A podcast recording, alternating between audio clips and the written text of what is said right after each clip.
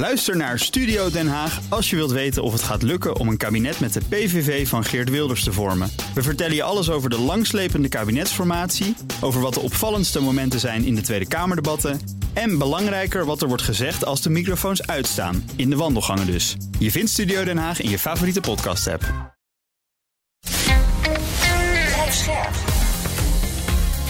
BNR Nieuwsradio. Boekenstein en de Wijk. Connor Klerks. Welkom bij Boekenstein en de Wijk. Het is woensdag, dag 427 van de oorlog in Oekraïne.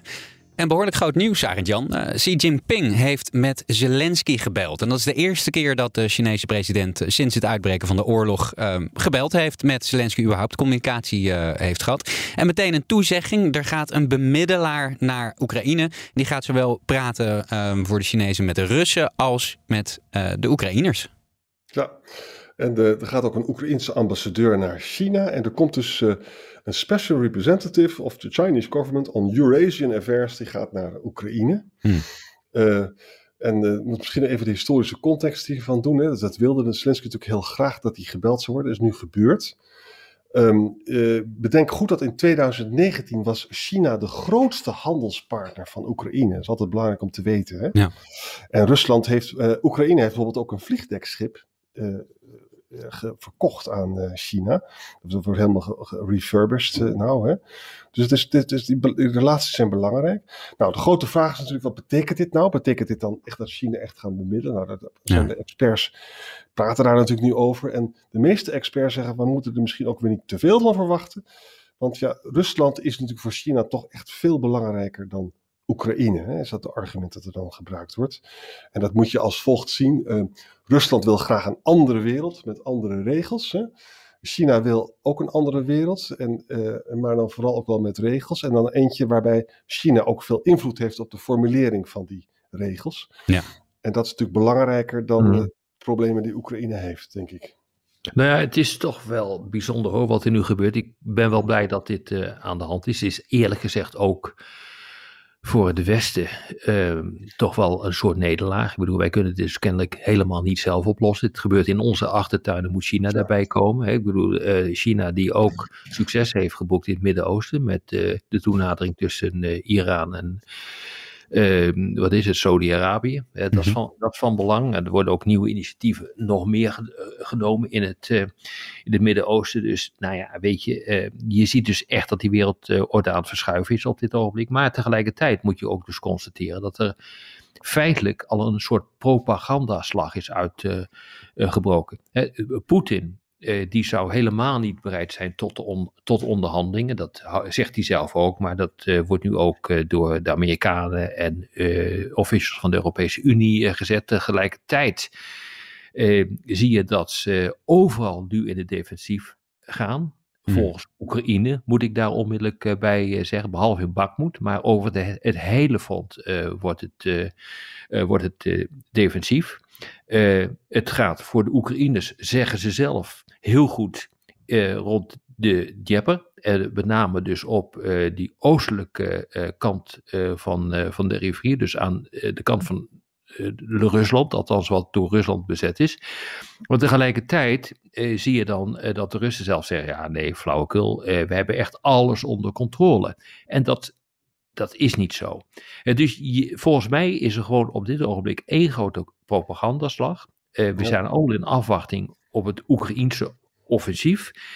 Um, en tegelijkertijd wordt er vanuit uh, China nu een poging uh, gedaan om de partijen tot elkaar te krijgen. Dus uh, je zou denken, die Chinese vertegenwoordiger, die heeft een onmogelijke opdracht.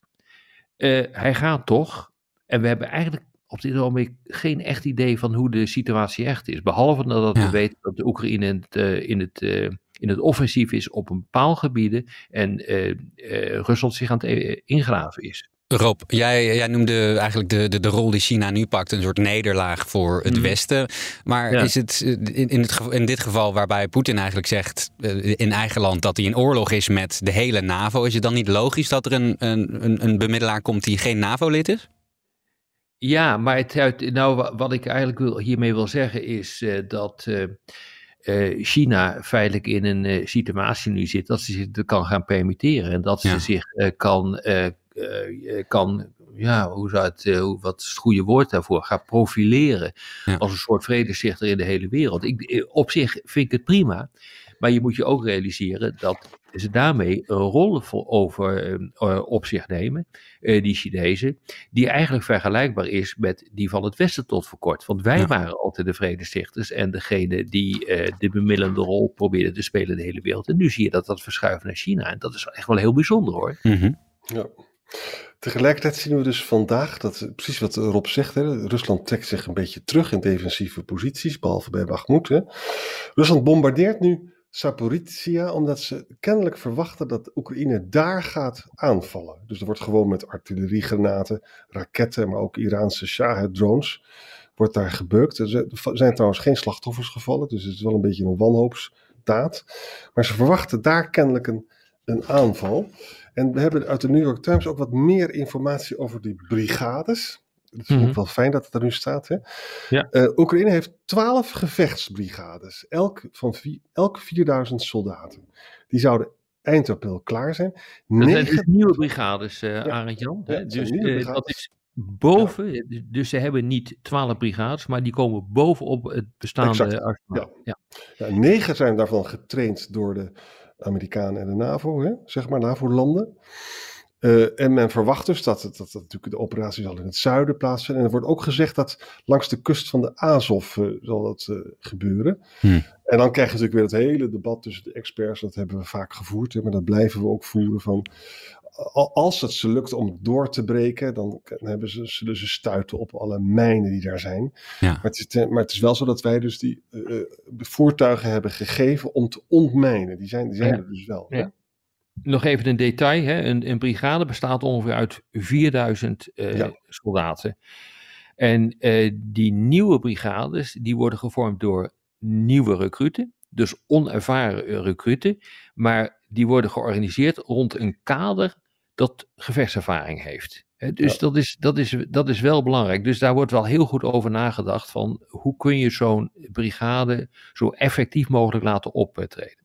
Ja, dat is dus een groot verschil met, met, met hoe Rusland eigenlijk opereert. Hè? Dit is meer een, een, een manier van inrichting die we in het Westen ook hanteren. Ja, exact. En uh, wat je dan ook uh, ziet, is uh, dat met name bij Rusland dat lagere kader, van corporaals tot, tot sergeanten, maar ook zeg maar de, de lagere officiersgangen, dat functioneerde totaal niet. Dat was gewoon één grote, één grote bende.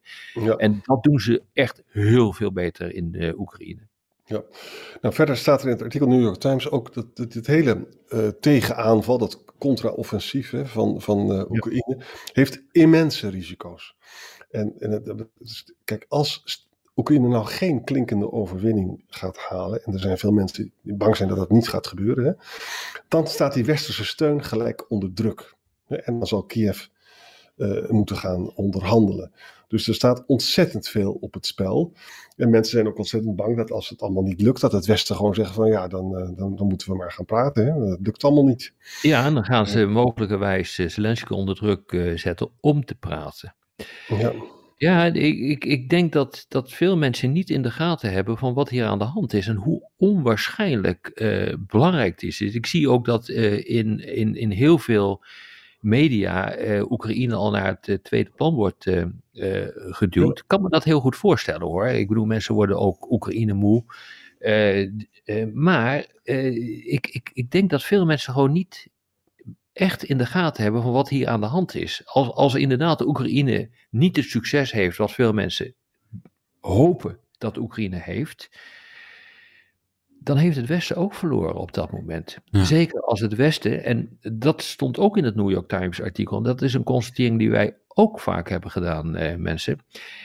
Eh, namelijk, eh, daarna wordt het heel erg lastig voor het Westen om überhaupt door te gaan met het leveren van steun in de vorm van nieuw materieel en nieuwe munitievoorraden, want ze zijn er gewoon bijna niet meer. Het, de, de, de schappen raken leeg. Ja, wordt er allemaal niet vrolijk van. Hè? Nee. Maar het zou wel relatief snel allemaal kunnen gaan gebeuren nu. Hè? De Amerikanen zeggen nu, lezen we ook in de New York Times, dat het mogelijk in mei al uh, gaat gebeuren, dat voorjaar. Ja, ja, zo komt er wel, wel conform de voorspellingen die we zelf uh, ook hebben gedaan hoor. Uh, dat is wel logisch. want we weten eigenlijk al maandenlang uh, dat op dat moment uh, de meeste uh, zware wapenstanks binnen zijn, de eenheden geformeerd kunnen, kunnen zijn. De vraag is of echt alles helemaal op orde is. we weten dat het, het offensief van Rusland weinig heeft opgeleverd. Ja, dus ehm, einde winter, prut, is opgedroogd. Ja, dat is dan wel een, uh, ja, een tijd waarin dat kan gaan gebeuren. Eigenlijk is dat uh, ja, bijna een half jaar geleden, voordat de winter inbrak, uh, is dit al voorspeld. Dus laten we kijken of het echt gaat gebeuren. Want voorspellingen hoeven niet uit te komen. Wat ik interessant vind in dat New York Times artikel, een maand geleden lazen we steeds stukken van er zijn gewoon te weinig tanks en te weinig getrainde mannen. Nu, nu is voor het eerst een stuk waarin zegt van nee, dat is nu wel behoorlijk op peil, wordt er gezegd. Hè? Er zijn behoorlijk wat tanks, er zijn behoorlijk wat van die Bradley uh, wagens en zo voertuigen. Ja, dat klopt, dat klopt. Ja. Maar, ben... maar Shogui, de minister ja. van uh, uh, Defensie van Rusland, die heeft gezegd, ja weet je, we gaan door, want we hebben uiteindelijk, en ik reageer dus ook even aan Jan op wat je net zei, we hebben uiteindelijk gewoon een numeriek overwicht. We kunnen meer manschappen op de been brengen, meer materieel, meer munitie, meer wapens, gaan zo maar door en wij winnen dit. En dat is ook de reden waarom uh, ja, Poetin uh, continu zegt van ja, ik heb helemaal geen zin om te onderhandelen, want uiteindelijk, ik heb langst aan, wij winnen dit. Ja, ja het is allemaal heel erg uh, onduidelijk jongens. Zullen we even nog praten over Guterres, die in Washington met Blinken praat over die, die Zwarte Zeegraan deal? Ja, doe maar. Ja, gewoon even heel kort. Uh, ja, uh, Lavrov probeert natuurlijk alles te draaien. Hè. De Russische problemen, die, uh, ja, die verkopen de Russische graan. De Russen hebben gewoon problemen om hun eigen graan te verkopen en hun eigen kunstmest hè, door al die sancties. En dus, dus hebben ze, liggen ze dus uh, dwars daar. Dus het wordt, het wordt, volgens mij ook heel lastig om hier een doorbraak te krijgen. Er is nu een deal, of een plan. En, en, namelijk het hervatten van de Russische export van ammoniak. Dat is een belangrijk bestanddeel van kunstmest door een pijplijn die door Oekraïne naar de haven van Odessa gaat. Ja? Dat is interessant. Ja, dat is echt interessant. Alleen het lijkt, het lijkt mij zelf als je erover nadenkt dat ja, de Oekraïne wil dat misschien helemaal niet. Hè? Ja, maar dan, als, je dat, als daar tegenover staat dat er ook geen graan wordt uh, geëxporteerd uit Oekraïne. Ja, dan ben je misschien uh, wel ja, dit is niet, dit is niet zonder, zonder betekenis hoor, moet ik, moet ik zeggen. Want ik weet namelijk dat uh, een van de grote problemen met betrekking tot die export van Russisch graan en, en kunstmest, en, en dus ammoniak in dit geval, is ook um, ja, dat men um, feitelijk afhankelijk is van ehm, westerse partijen om dat te, gaan, te gaan verschepen. Ja. En die willen hun handen daar niet aan branden. Het is niet expliciet verboden, maar we zien nu dat een hele hoop dingen niet verboden zijn onder het sanctieregime. Maar toch niet gebeuren, omdat westerse verladers uh, zeggen van ja, maar hier hebben we geen uh, zin in. Ja. ja. Dus ik ben heel benieuwd wat eruit komt. Hè. De deal ja. zouden dus zijn, dus wel ammoniak en dan ook weer graanexport. Hè? Ja, ja, dat, is de, dat is het verhaal. Ja, oude grief van uh, de, de, Russen dat hun eigen export en ook achteruit zijn gegaan. Ja. Hey, en Arend Jan, iets anders wat uh, Lavrov heeft gezegd bij, uh, bij de VN op een persconferentie, is dat hij, hij hintte eigenlijk op een, een, een gevangenenruil. Hè, met, met onder andere die Wall Street Journal journalist Evan Gershkovich en ook ja. Paul Whelan, die al heel lang vastzit in Rusland. Ja, die Gershkovich was dus een Wall Street Journal jongen.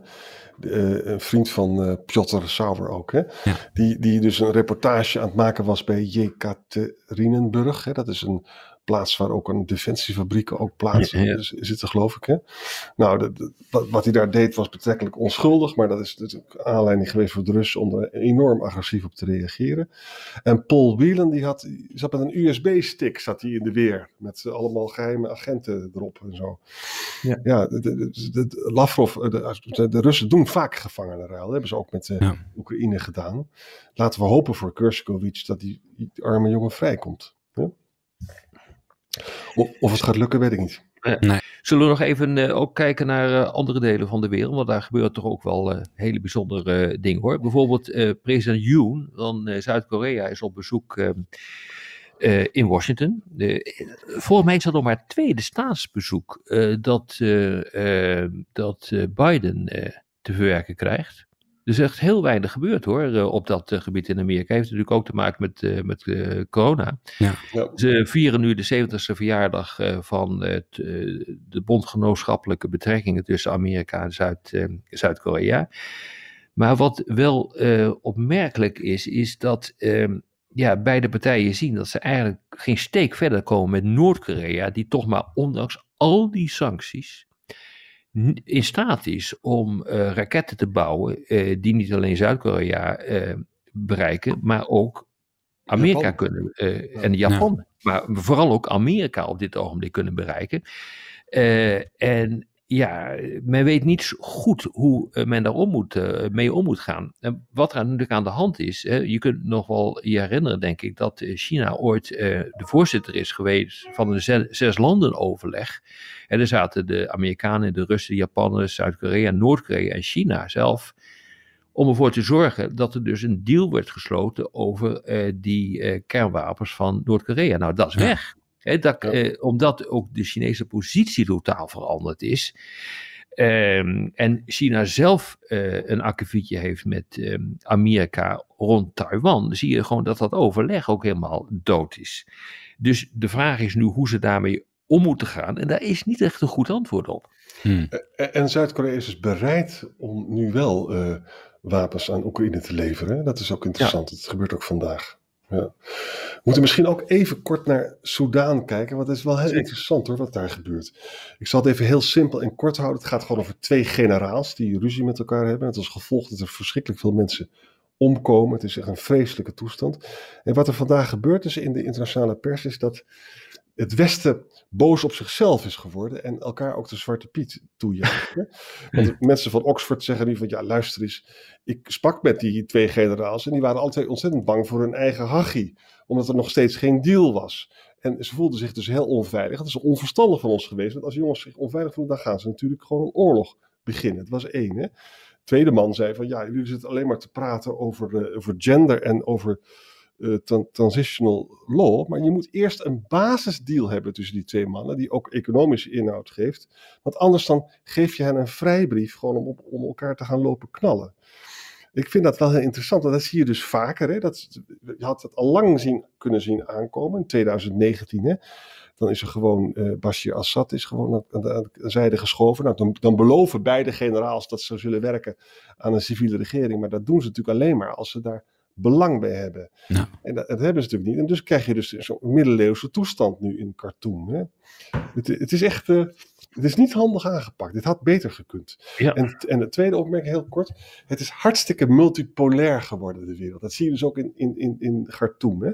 Vroeger waren wij natuurlijk belangrijk daar. Hè? En nu is het China, Rusland, Egypte, Saoedi's en de Verenigde eh, eh, Emiraten. Hè? Ook hier zie je dus weer de verval van het Westen. Erg interessant. Ja. Ja. En dan nog uh, even tenslotte uh, Zuid-Afrika. Want daar uh, was nogal wat te doen om het internationaal strafhof van de president, Cyril Ramaphosa. Die had gesuggereerd dat het een goed idee was om daar uit te stappen als Zuid-Afrika zijnde. Want dan konden ze een bezoek van president Poetin opzetten. Want dat kan nu natuurlijk niet als, hij, als zij in het ICC blijven en Poetin komt op bezoek. Dan moeten ze hem oppakken. Arend Jan, daar is van alles misgegaan. Ja, eh, Ramaphosa heeft het dus gezegd. En uh, dat is natuurlijk wel interessant, want we weten dat Zuid-Afrika is echt een bondgenoot van Rusland. Hè. 17 februari hebben we nog voor de kust van Zuid-Afrika een gemeenschappelijke militaire oefening gezien van China, Rusland en Zuid-Afrika. Ja. Maar goed, het ANC kruipt eh, vandaag met een woordvoerder terug. We blijven gewoon lid van het International Criminal Court. Hè. Maar ja, uh, het is natuurlijk allemaal al gezegd. En het geeft gewoon maar weer aan dat Zuid-Afrika zit echt niet in ons kamp hoor. Hmm. Dus het is uh, heel duidelijk. Nou, uh, mannen, dan was hem dat voor vandaag. Zeker. tot morgen. Tot morgen. Tot morgen. Ook Thomas van Zeil vind je in de BNR-app. Je kunt live naar mij luisteren in Zaken doen, de BNR-app met breaking news, het laatste zakelijke nieuws en je vindt er alle BNR-podcasts, bijvoorbeeld Het Nieuwe Geld. Download nu de gratis BNR-app en blijf scherp.